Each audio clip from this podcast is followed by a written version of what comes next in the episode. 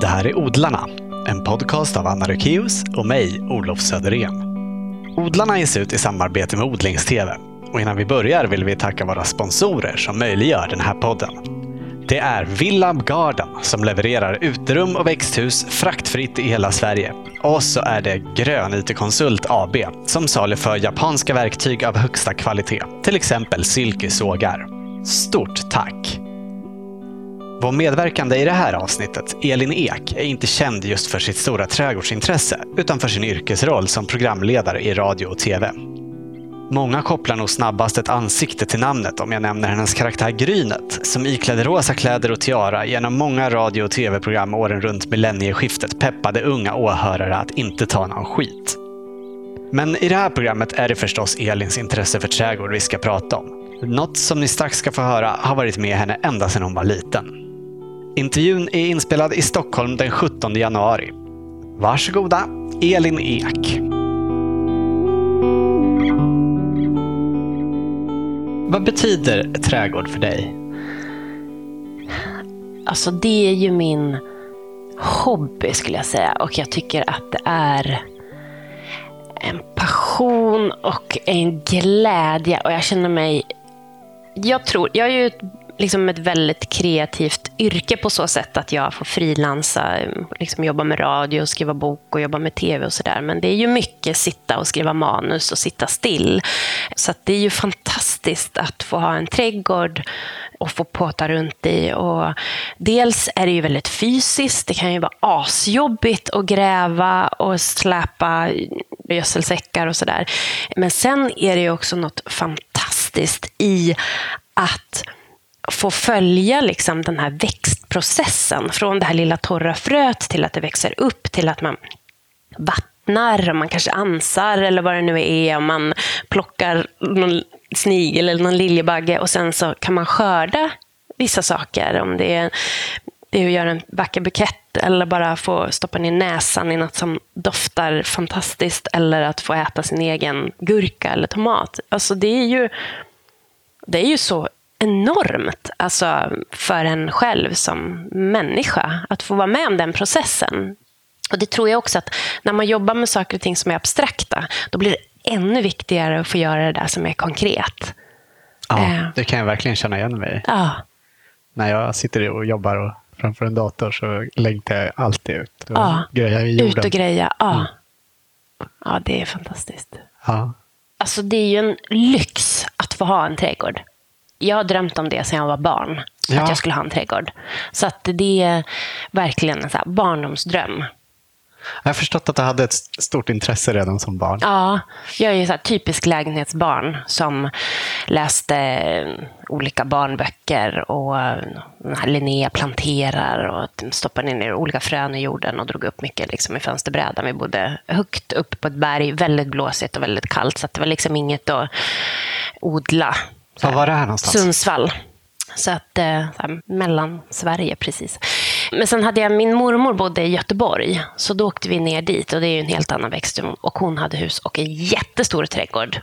Så den är min, där har jag liksom mina rötter i mitt odlingsintresse. Där har jag mina ideal och mina drömmar kommer verkligen från mormors trädgård. Mm. Och det känner jag, jag ser det nu i det som jag dras till och det som jag vill ha själv.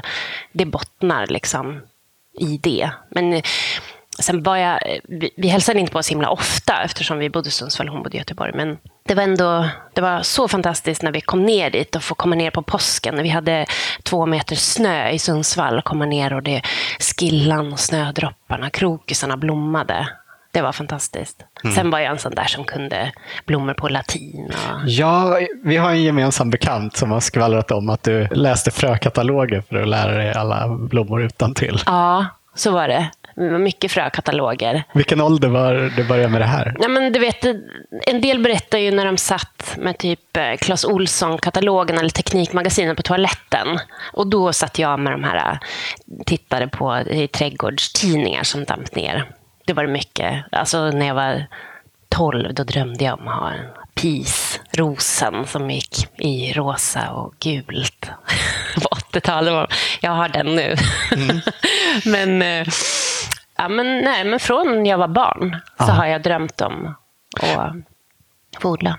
Prenumererade du själv på de här tidningarna och katalogerna? Nej. Eller vad, hade dina föräldrar ett intresse? Nej, inget alls skulle jag säga.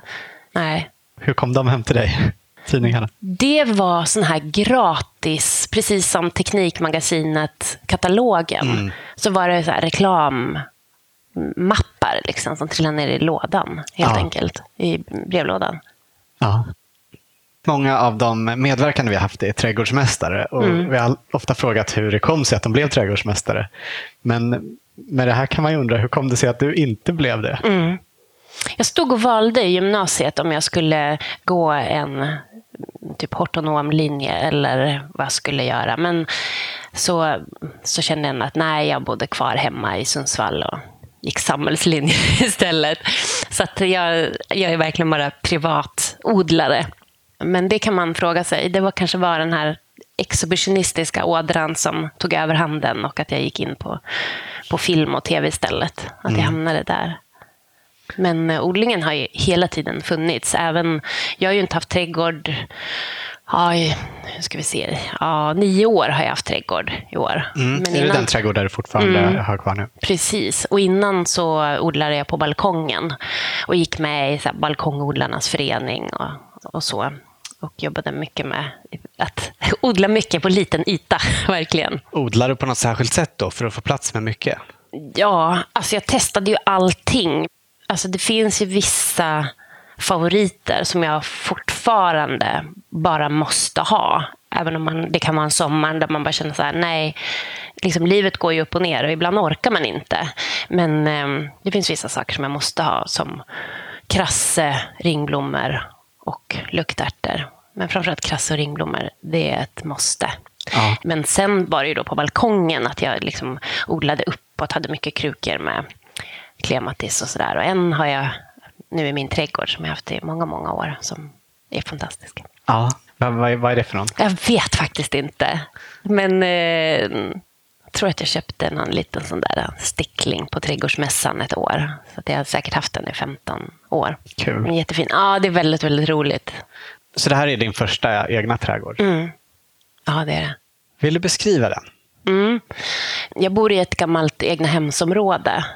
Eh, Utanför Stockholm? ja, precis. Och det är också den typen av trädgård som intresserar mig och som då min, också min mormor bodde i.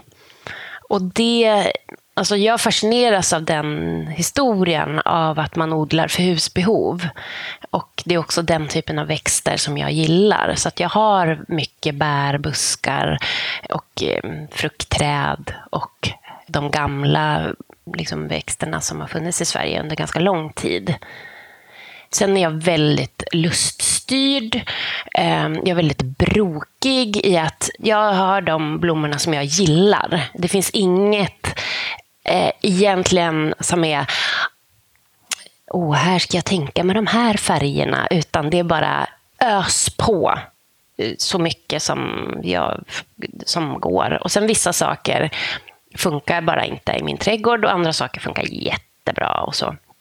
Och sen, min mormor hon hade också ett, så här, eh, ett sätt där hon sa att eh, de där fåglarna planterat i min trädgård. Och det tyckte jag var så himla fint. Det satt, hon hade en väldigt så här, kuperad, igenvuxen trädgård. Och det satt små blompinnar och här och var i, i gräsmattan. För här hade fåglarna planterat det ena och det andra. Så att man fick liksom så här, klippa runt. Och som ni också, är ganska ointresserad av gräsmatta. Den har jag bara för att typ man ska kunna spela lite fotboll. Eller något sånt där, leka lite. Men hade det bara varit jag, då hade jag ju typ plöjt upp den. Bara gjort olika typer av odlingsbäddar. Så vissa saker funkar och sen hittar jag grejer. Det finns nästan ingenting som gör mig så lycklig som när man kan hitta någon liten men kolla, här är en digitalis precis mitt i gräsmattan och så, som har så här frösått sig då, och så får jag liksom gräva upp den och sätta in den i någon rabatt och bara se att alltså, det är en sån glädje. Du gör inte som din mormor då, sätter en pinne och låter den vara där, där den är? Nej, hon hade en mycket större trädgård än vad jag hade. Så att hon, hennes kunde med, jag måste ändå, om jag inte tar bort den från gräsmattan precis där, då är det någon som kommer att springa ner den. Mm. Så att jag måste ändå flytta den till någon typ av lite säkrare zon. Hur stor är din trädgård? Ja, vad är den? Den är väl typ 300 kvadrat tror jag, men så står det ju ett hus på den också. Så att, och någon bod och lite sånt där. Så det är ju... Mm. Inte jättestor? Inte jättestor. Och sen jag ett växthus också. Ja, vad kul. Vad har du där i? Mm. Där har jag, det är inte uppvärmt, så att det är ett så kallväxthus, men där har jag tomater och gurka. I princip nästan bara. Jag har haft melon något år och, och så, men det är mest för tomaterna. Har du en köksträdgård ute på friland också? Eh, Utomhus? Ja, det, då odlar jag i pallkragar. Och då är det eh, sockerärtor, salladsärtor, eh, kanske lite lök, sallad, eh, zucchini kanske, gräslök, dill och persilja och jordgubbar och lite sånt där. Jag älskar det, att kunna göra saker som man kan äta själv.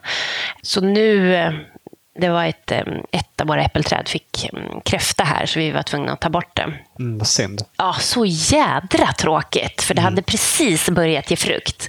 Och nu är jag inne på att vi ska ha ett vinteräpple istället, för att jag tänker att men, för på hösten då ska ju allting skördas och man ska försöka ta hand om allting och man blir alldeles stressad. Det var äpplen och sådär. Men så tänkte jag, men det är ju i januari man vill kunna, att kunna liksom odla sin frukt på vintern, som man kan äta på vintern. Så nu är jag inne på att det ska bli ett coxorange istället. Ah, det är bra, för på vårvintern finns det ju liksom inte svenska äpplen nej, att köpa heller. Nej, och så är de besprutade eller något sånt mm. skit. Så att, eh, jag älskar att vi kan äta egen frukt. Det är lyx. Mm. Din gamla karaktär Grynet brukar säga att frukt är inte godis. Nej. Håller du med henne om det? Ja, gud ja. Det är ju två helt skilda saker. Jag älskar frukt, men det är inte godis. När man är sugen på godis, då är man sugen på godis. Då är man inte sugen på äpple. Nej. Men sen tycker jag att det är fantastiskt att få stå och äta sina hallon och björnbär och eh, vinbär och, och körsbär som jag har. Alltså, jag tycker att det är det är helt enormt att få och också ge sin familj och gå och äta frukt som man själv har dragit upp. Liksom. Jag tycker det är så lyxigt.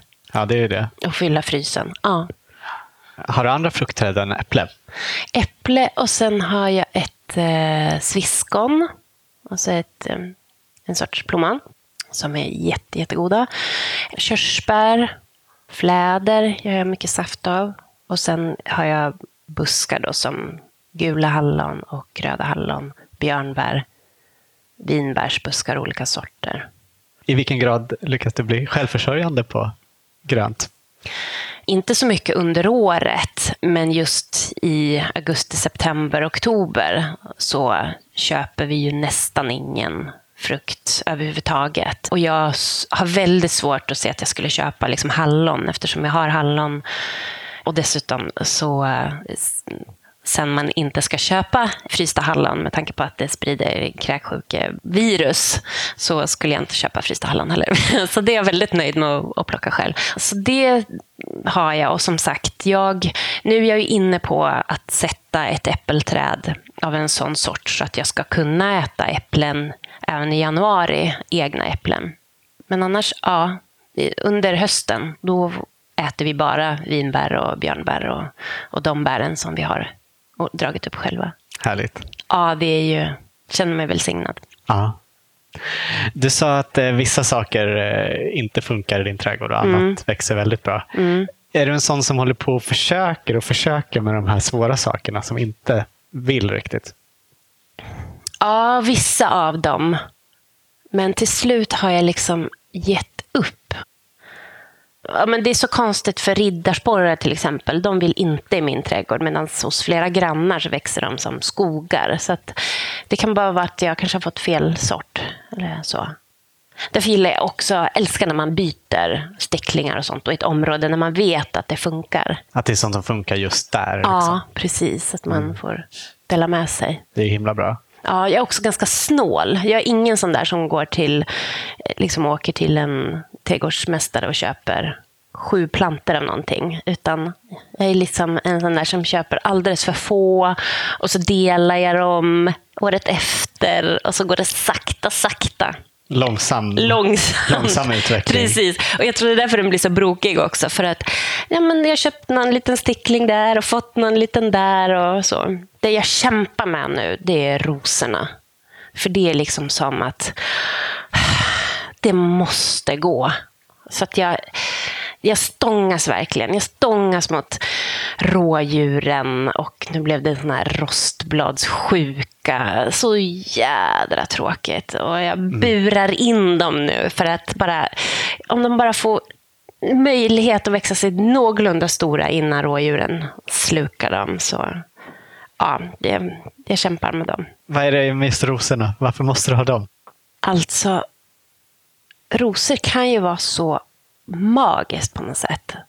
Alltså det är liksom drottningen. Och det är kanske därför som det, att jag inte har gett mig.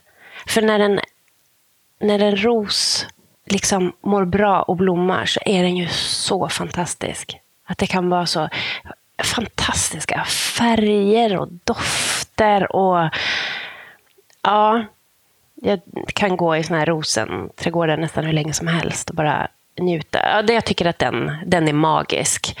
Men som sagt, det är något som inte riktigt funkar hemma hos mig. Så jag kämpar på. Du vet, vet inte vad det är som inte funkar? Nej, jag vet inte riktigt. Jag har några som, som funkar, andra som inte funkar. Och sen som sagt, jag fick sån där rostbladssjuka. Trist. Ja, så trist. Och då så sa de, åh, det var ett sånt år förra året. Det var, all, det var så mycket som strök med.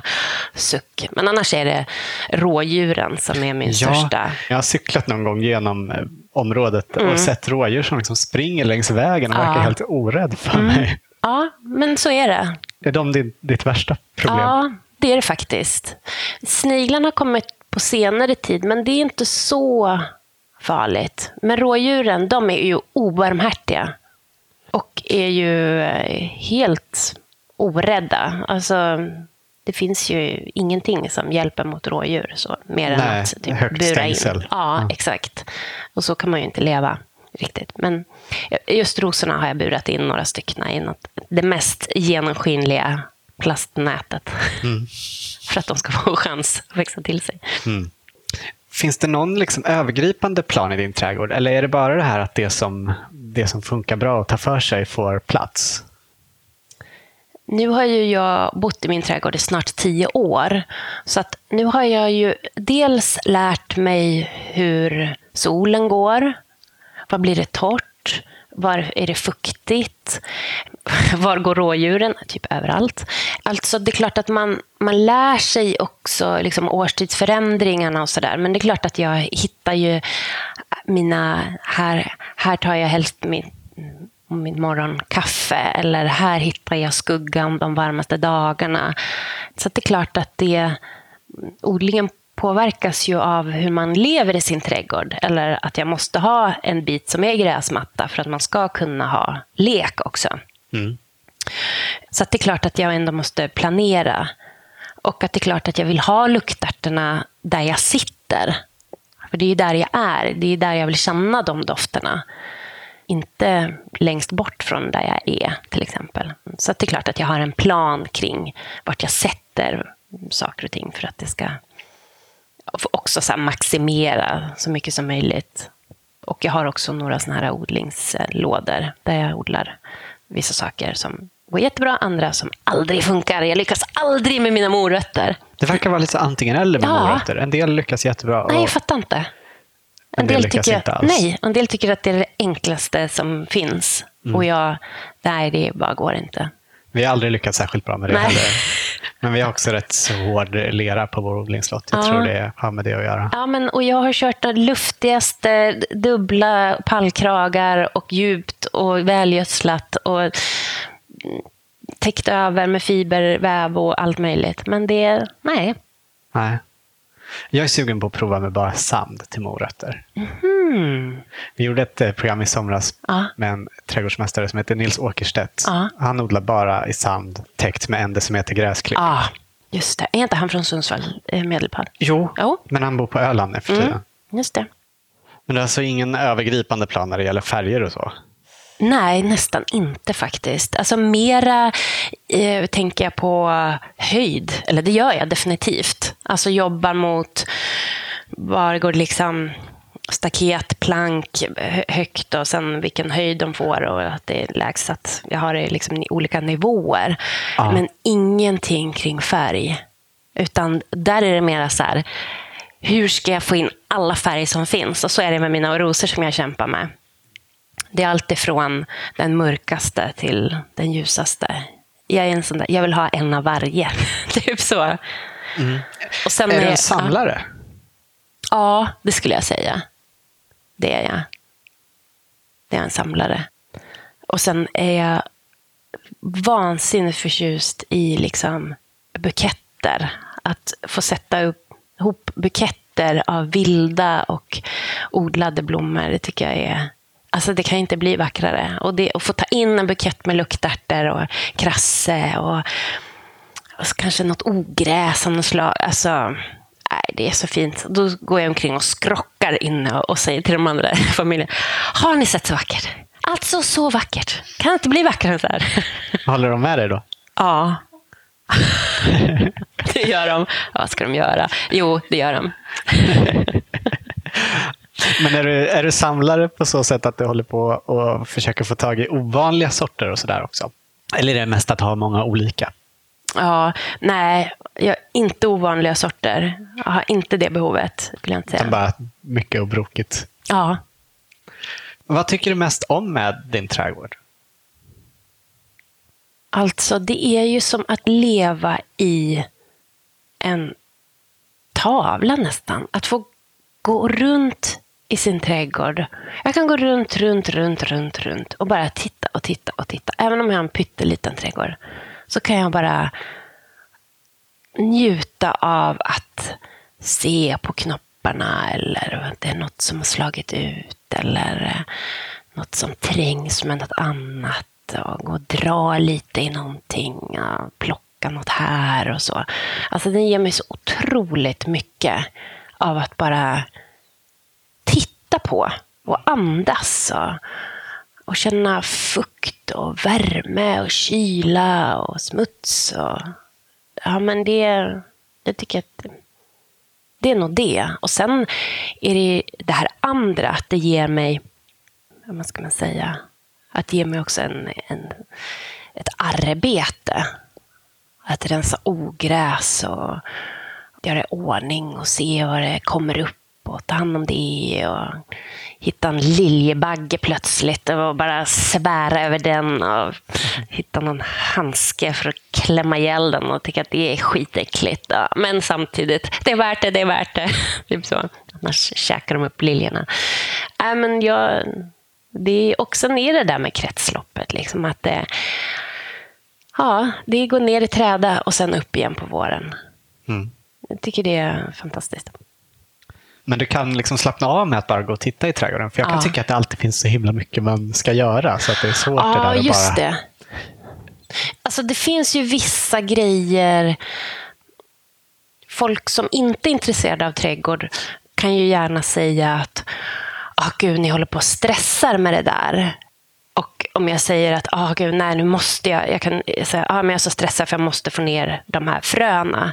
Då är inte jag stressad vad ska man säga, egentligen på något negativt sätt. Och Det handlar inte om att jag har någon slags att det är någon som tycker att jag borde göra. Det är inget ok, utan då är det mera så här, jag måste få ner fröna för att jag ska kunna få fortsätta njuta av hela den här processen. För att jag ska få gå och ta hand om mina plantor och sen få klippa min luktärtsbukett. Så att jag känner mig liksom inte stressad av trädgården på det sättet. Utan, men det finns vissa såna där tidpunkter av att ah, det har inte kommit ner i jorden.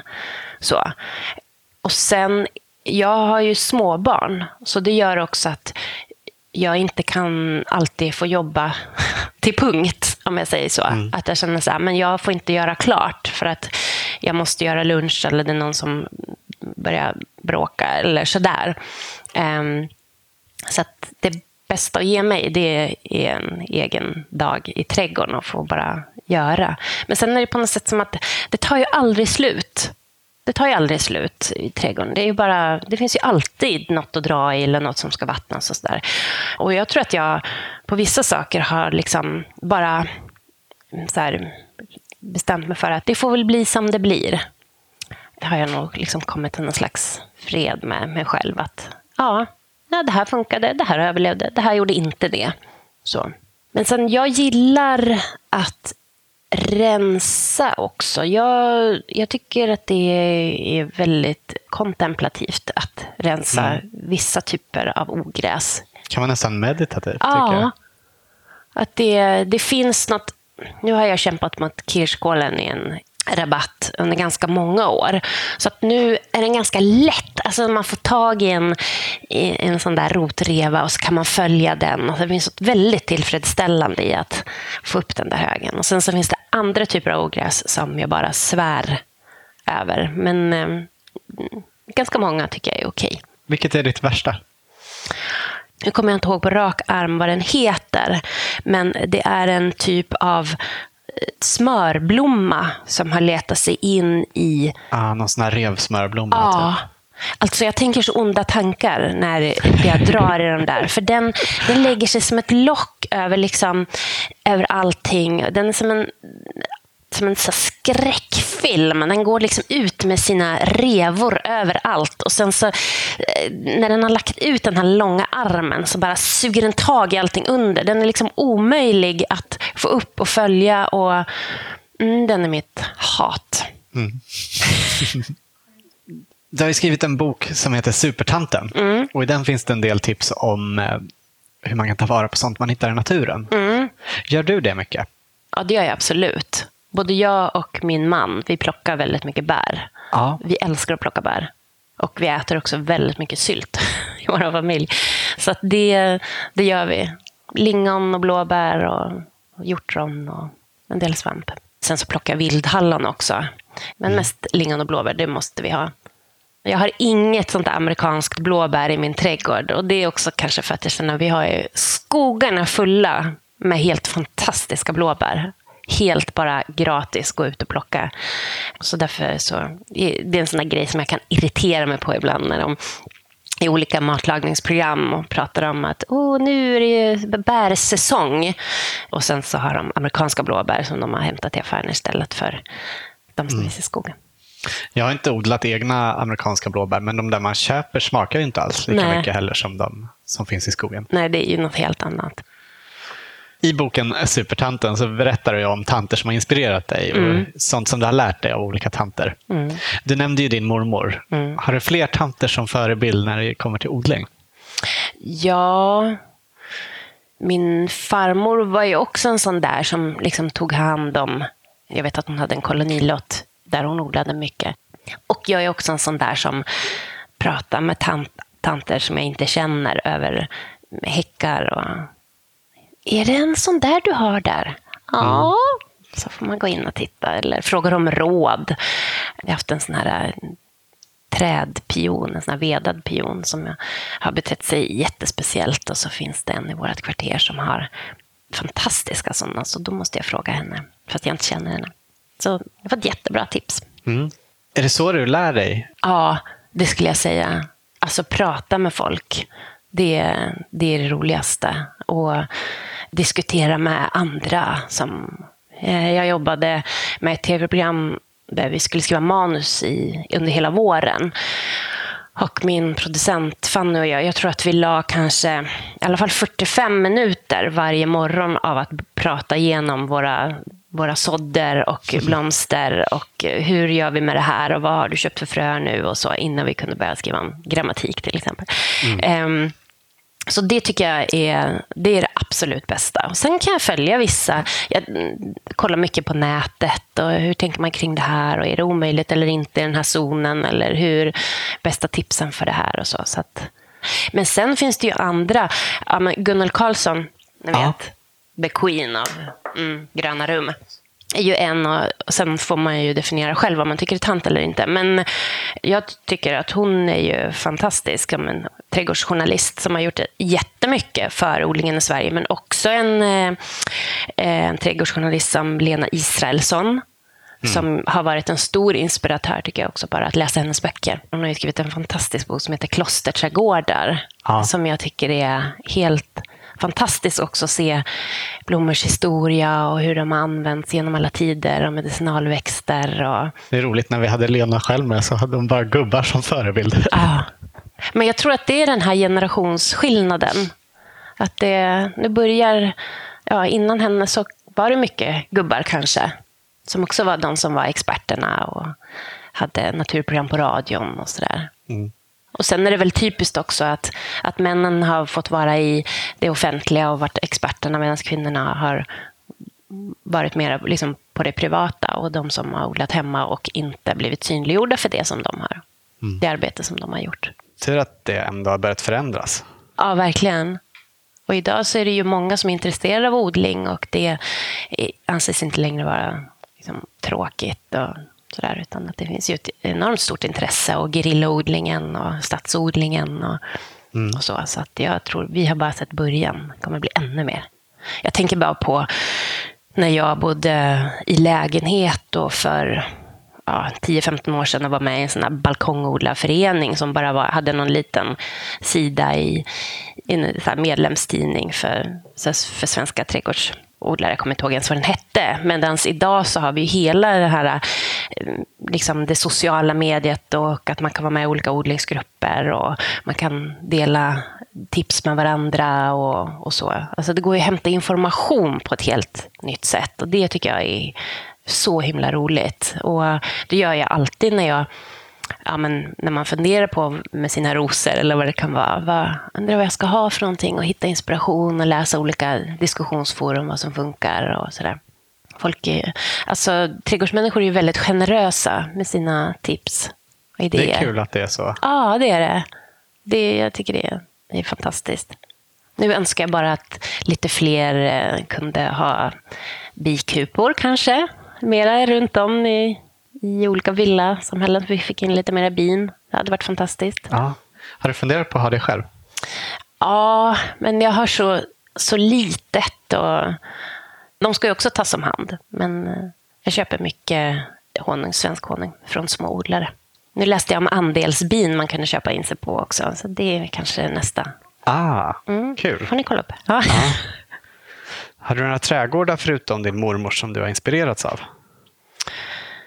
Ja, måste tänka efter. Eh, jag tycker Skansen är fantastisk. De har ju en, eh, byggt upp en liten egnahemsträdgård där med kolonilotter och så. Mm. Och det tycker jag är, det ger mig jättemycket. Och sen har de ju en fantastisk rosenplantering där också. Jag vet inte vad de kallar det, men de har ju fantastiska rosor. Och sen Trädgårdsföreningen i Göteborg. Ja. Att gå omkring där är ju också enormt. Nej, men eftersom jag är intresserad av historiska växter så tycker jag att det är roligt med den typen som Skansen har gjort. Att man kan se hur var det förr? Liksom, vad var det man odlade och varför? Om vi blickar framåt då, tror du att du kommer bli kvar i den här trädgården eller kan du vara sugen på att börja med något nytt? Alltså, det är ju det som det är svårt alltså. Alltså att man... För när man har lagt ner så mycket av sig själv och... Alltså trädgården betyder nästan mer än huset på ett sätt. Mm. För där, även om man har slipat golv och tapetserat så i trädgården så har man ju något annat. Jag har så också så mycket människokopplingar i min trädgård. Jag kan titta där och komma ihåg att ja, men just det, den där stjärnflockan, den fick jag av Sonja. Åh, det var ju när jag hälsade på min farmor när hon fortfarande levde så fick jag den där från hennes trädgård. Eller Ja, den där pelargonen som jag tar ut varje år, det där var ju en stickling från min mammas pelargon. Hon lever inte längre. Och... Har du något från din mormor kvar? Ja, det har jag faktiskt. Le lever nej, hon nej, hon är död sedan många år tillbaka. Men i hennes trädgård hade också väldigt mycket bärbuskar. Hon hade fantastiska gula hallon. Och eh, då var det så att mina föräldrar tog en, eh, en planta av det gula hallonet och satte upp utanför sin sommarstuga uppe i Norrland. Och där ger den några små frukter. Men sen då, min mormor då är död så många år, så tog jag en liten planta från den gula hallonet från mina föräldrar och har satt det i min trädgård. Då. Där får jag jättefina gula hallon nu. Så Ja, jag tänker alltid på min mormor Mm. när jag äter mina gula hallon. Mm. Och då sägs det ändå att man inte ska flytta hallonplanter om man läser på. För att det kan medföra sjukdomar och allt möjligt och sådär. Men det, det gör jag ändå. Så länge de är friska så ska det väl inte vara några problem, tänker Nej. jag. Alltså, människor liksom lever ju vidare på ett sätt. Det finns så mycket minnen i det Mm. som eh, skulle vara svåra att lämna. Men däremot så drömmer man ju alltid om mera odlingsyta Ja, att sova. Så är det ju. Och jag sneglar på den där lilla gräsmattan som är avsatt för lek. Och ibland så blir jag så sugen på att bara ta bort den och bara odla. Men det kan jag inte göra, för vi är flera som lever men, ehm, i, i den här trädgården. Men, eh, men det är klart att jag kan längta efter att ha mera. Absolut. Och jag kan längta efter flera äppelträd och fler bärbuskar och få ännu liksom, mera plats till mina favoritgrejer. barnen växer ju också. Om några år kanske de inte har samma behov av en gräsmatta att leka på längre. Exakt. Precis. Vi får se också om det, hur deras odlingsintresse kommer att se ut. För de, ja, sen de var bebisar, har jag gått runt och berättat vad allting heter. Och, sådär. och. De har också sina egna små odlingslotter. Ja, verkar det som att intresset smittat av sig till dem? Alltså, det finns ju nästan ingenting som slår en upplevelse av att få gräva upp sin egen potatis. Nej. Alltså det skulle jag, det unnar jag alla. Att få sätta en grep i jorden och välta en potatistuva och få upp de här guldbollarna som kommer upp. Det är ju enormt. Det finns ju ingen som kan vara oberörd för något sånt, tycker jag. Men sen, ja, så är de väl inte, de är ju små, så de är ju inte intresserade så som jag. Hur gamla är de? Eh, fyra och åtta. Men det är klart att varenda gång som de visar något litet intresse, då blir jag väldigt, väldigt nöjd. Det är inte så de sitter och läser frökataloger? Nej, verkligen inte. Men det är klart att det är fantastiskt att kunna skörda och plocka. Och de älskar ju också alla bär och frukter och så. Mm. Har din man ett lika stort trädgårdsintresse som du? Nej, det har han inte. Han njuter av den, men det är liksom min domän. Så. Sen är vi väldigt förtjusta i träd båda två. Så att vi, vi uppskattar träd i, ja, men i bostadsområden och sådana där saker. Men annars är det jag som är odlaren. Du nämnde ju Gunnel Karlsson. När vi intervjuade henne så berättade hon att hon hade skällt ut några grannar på att såga ner ett träd. Ja, Gör du så också? Ehm, jag skulle nog inte skälla ut dem, men eh, ja, jag tycker att folk som sågar ner träd utan att tänka efter är idioter. så, så. Dels för att det finns, träden har en Dels känna så rent filosofiskt att de har funnits där, många, redan innan vi kom dit. Så. Men också att de i vissa bostadsområden finns av en anledning. Till exempel vet jag i Stockholm att det har funnits speciella björkgrupper för typ hundra år sedan när vissa av de här villasamhällena byggdes upp för att björkarna suger upp så mycket vatten. Det är väldigt mycket gammal sjöbotten. Och nu när de här björkarna då har sågats ner eller så, så är det väldigt blött på många olika ställen. Så att det finns ju också träd som har haft en funktion, men det har man glömt bort genom, genom åren. Och sen är det också så att det, det skänker svalka och ger skugga till husen. Och, eh, jag älskar träd och jag tycker att det är jättetråkigt när folk inte ser längre än att man vill ha en jättestor altan eller vad det kan vara. Mm. Kanske björkar som behövs för att dina rosor ska må bättre. Ja. Kanske är för blött. Ja, så kan det vara. Prova Att plantera björkar runt om. Ja, och fåglarna har planterat en liten, liten, liten björk så att jag, som jag nu har burat in så att ingen ska råka köra över den. Så att jag hoppas att den ska ta sig. Har du något mer som du skulle vilja att vi pratade om? Jag är ju själv väldigt luststyrd. Och jag tror att det kanske det som är så hemligheten med att det inte ska bli något ok med en trädgård. Utan så här, tänka, men vad, vad är det man själv går igång på? Vad är det man gillar? Jag går inte igång på olika typer av bärväxter som är formklippta. Jag går inte igång på en hel rabatt i vitt, Nej. till exempel. Utan det är inte min kopp te. Utan jag, jag går på det som jag tycker är fint. Mm. Och det kan det komma upp lite här och var och på olika sätt. Och det som är så fantastiskt med blommor det är ju att det kan ju aldrig någonsin bli fel. Alltså det, det finns ju inte. Jag tycker att det, det kan aldrig bli fult med två växter bredvid varandra. Och det finns, jag tycker inte det finns, det finns inga färger som inte går att mixa i en, i en blomsterbädd. Liksom. Så att jag tycker nog att jag, jag önskar att folk kanske vågade lite mer och testade lite mer. Och jag sprang på Gunnel Karlsson här för någon vecka sedan. Och hon sa att hon hade redan börjat dragit upp sina luktärtor. Så då sa jag, what? Det är bara januari och hon har höstsått dem. Så att nu så har hon tipsat mig. Hon tycker att man kan börja så redan nu. Kan man höstså luktärtor? Jag skulle vara rädd att de ruttnade i jorden. Men Men nej, det går tydligen. Hon sa, det värsta som kan hända är att de dör, så då kan man bara sätta nya. Så att jag ska nog snart testa Gunnels knep. Eh, vet du om hon har någon tillskottsbelysning för dem då? Eller? Ja, jag tror att hon har det. ja. Men eh, hon menar på att de klarar ganska mycket. Och att först behöver de värme och sen behöver de ljus, som jag förstår det. Men sen bor ju hon i Skåne. Ja, precis. Hon har ju lite andra annorlunda. förutsättningar. Precis, Hon har också ett eh, orangeri. exakt. Sånt man, sånt man kan drömma om. Ja. Vi brukar alltid avsluta våra intervjuer med att våra medverkande får ge sitt bästa odlingstips. Har du något sånt som du vill dela med dig av? När jag gick i första klass, då tog min fröken med sig ringblommor och satte på katedern. Och de där ringblommorna, varenda gång man skulle gå fram till fröken och liksom visa någonting, så tog jag och kände på dem där och luktade på dem där och smakade på dem. För ringblommor var ju en av dem som man kunde liksom käka. Jag åt alla eh, växter som man kunde äta när jag var liten. Alla som var ätbara stoppade jag i munnen och smakade på. Men som du visste var ätliga, eller provade du det fram? Nå, ja, jag smakade på ganska mycket. Men det är väl klart att jag kanske frågade först. Men sen eftersom jag var intresserad så visste jag ju också att ah, men den här är ätbar. Så att då käkade jag den.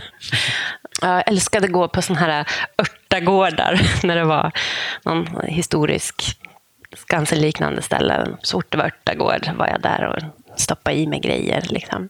Ja. Ehm, och de där ringblommorna, de har liksom följt med mig. Och de måste jag ha. Och jag tänker så här, om man, om man är helt ointresserad av odling fast ändå skulle vilja ha någonting, då skulle jag verkligen slå ett slag för ringblommorna. För att de frösår sig också. Jag behöver aldrig så dem nu, utan nu hittar jag dem överallt. Och så samlar jag ihop dem på våren när de har kommit upp. Och så sätter jag dem där jag vill ha dem.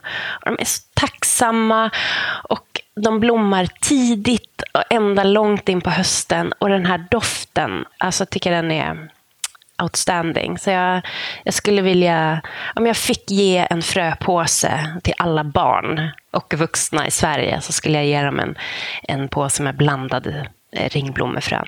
Då gäller det ju att alla har någonstans att odla dem också. De går ju att odla på balkongen. De är ju väldigt så. Men när jag var liten då odlade jag också väldigt mycket blomman för dagen. Den och hade i fönstret. Och det var ju också enormt med, då fanns det nästan bara den här blåa färgen. Idag finns det ju många flera att välja mellan. Men den tyckte jag var eh, otrolig att ha i fönstret. Och att den växte och växte och växte och växte. Mm. Så det, den skulle jag också rekommendera. Den har väl giftiga frön tror jag. Men, men annars så är man barn och vill odla och se att det händer grejer. Liksom. Då tycker jag den är ett bra tips. Du, tack så jättemycket för att du ville vara med, för att du tog dig tid. Ja, vad roligt att få vara med. Jättekul.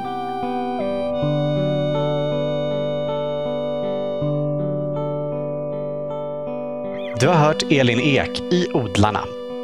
Vill du höra mer av hennes trevliga röst så kan du just nu göra det varje söndag i programmet Kärlek i P4. Elins bok som jag nämnde i intervjun heter alltså Supertanten, för dig som redan är en och för dig som vill bli. Hon har även gjort en bok med titeln Jag grejar, alltså finns jag. Fixa, sy, baka, toa, läs, bygg, odla. Lena Israelsson, som Elin nämnde som en av sina förebilder, kan du höra i Odlarna avsnitt 2. Och hennes andra förebild, Gunnel Karlsson, finns i avsnitt 30. Odlarna finns också på Facebook och vill du följa oss på Twitter kan du göra det under namnet Odlarna Podcast. Tack för att du lyssnat och stort tack än en gång till våra sponsorer Grönyte Konsult och Villab Garden som möjliggör den här podden. Redaktör för Odlarna är Anna Rukius. Jag heter Olof Söderén. Vill du följa oss och vårt odlande så kan du göra det på thewaveswemake.se spenat i stan. Ha det fint! Hej då!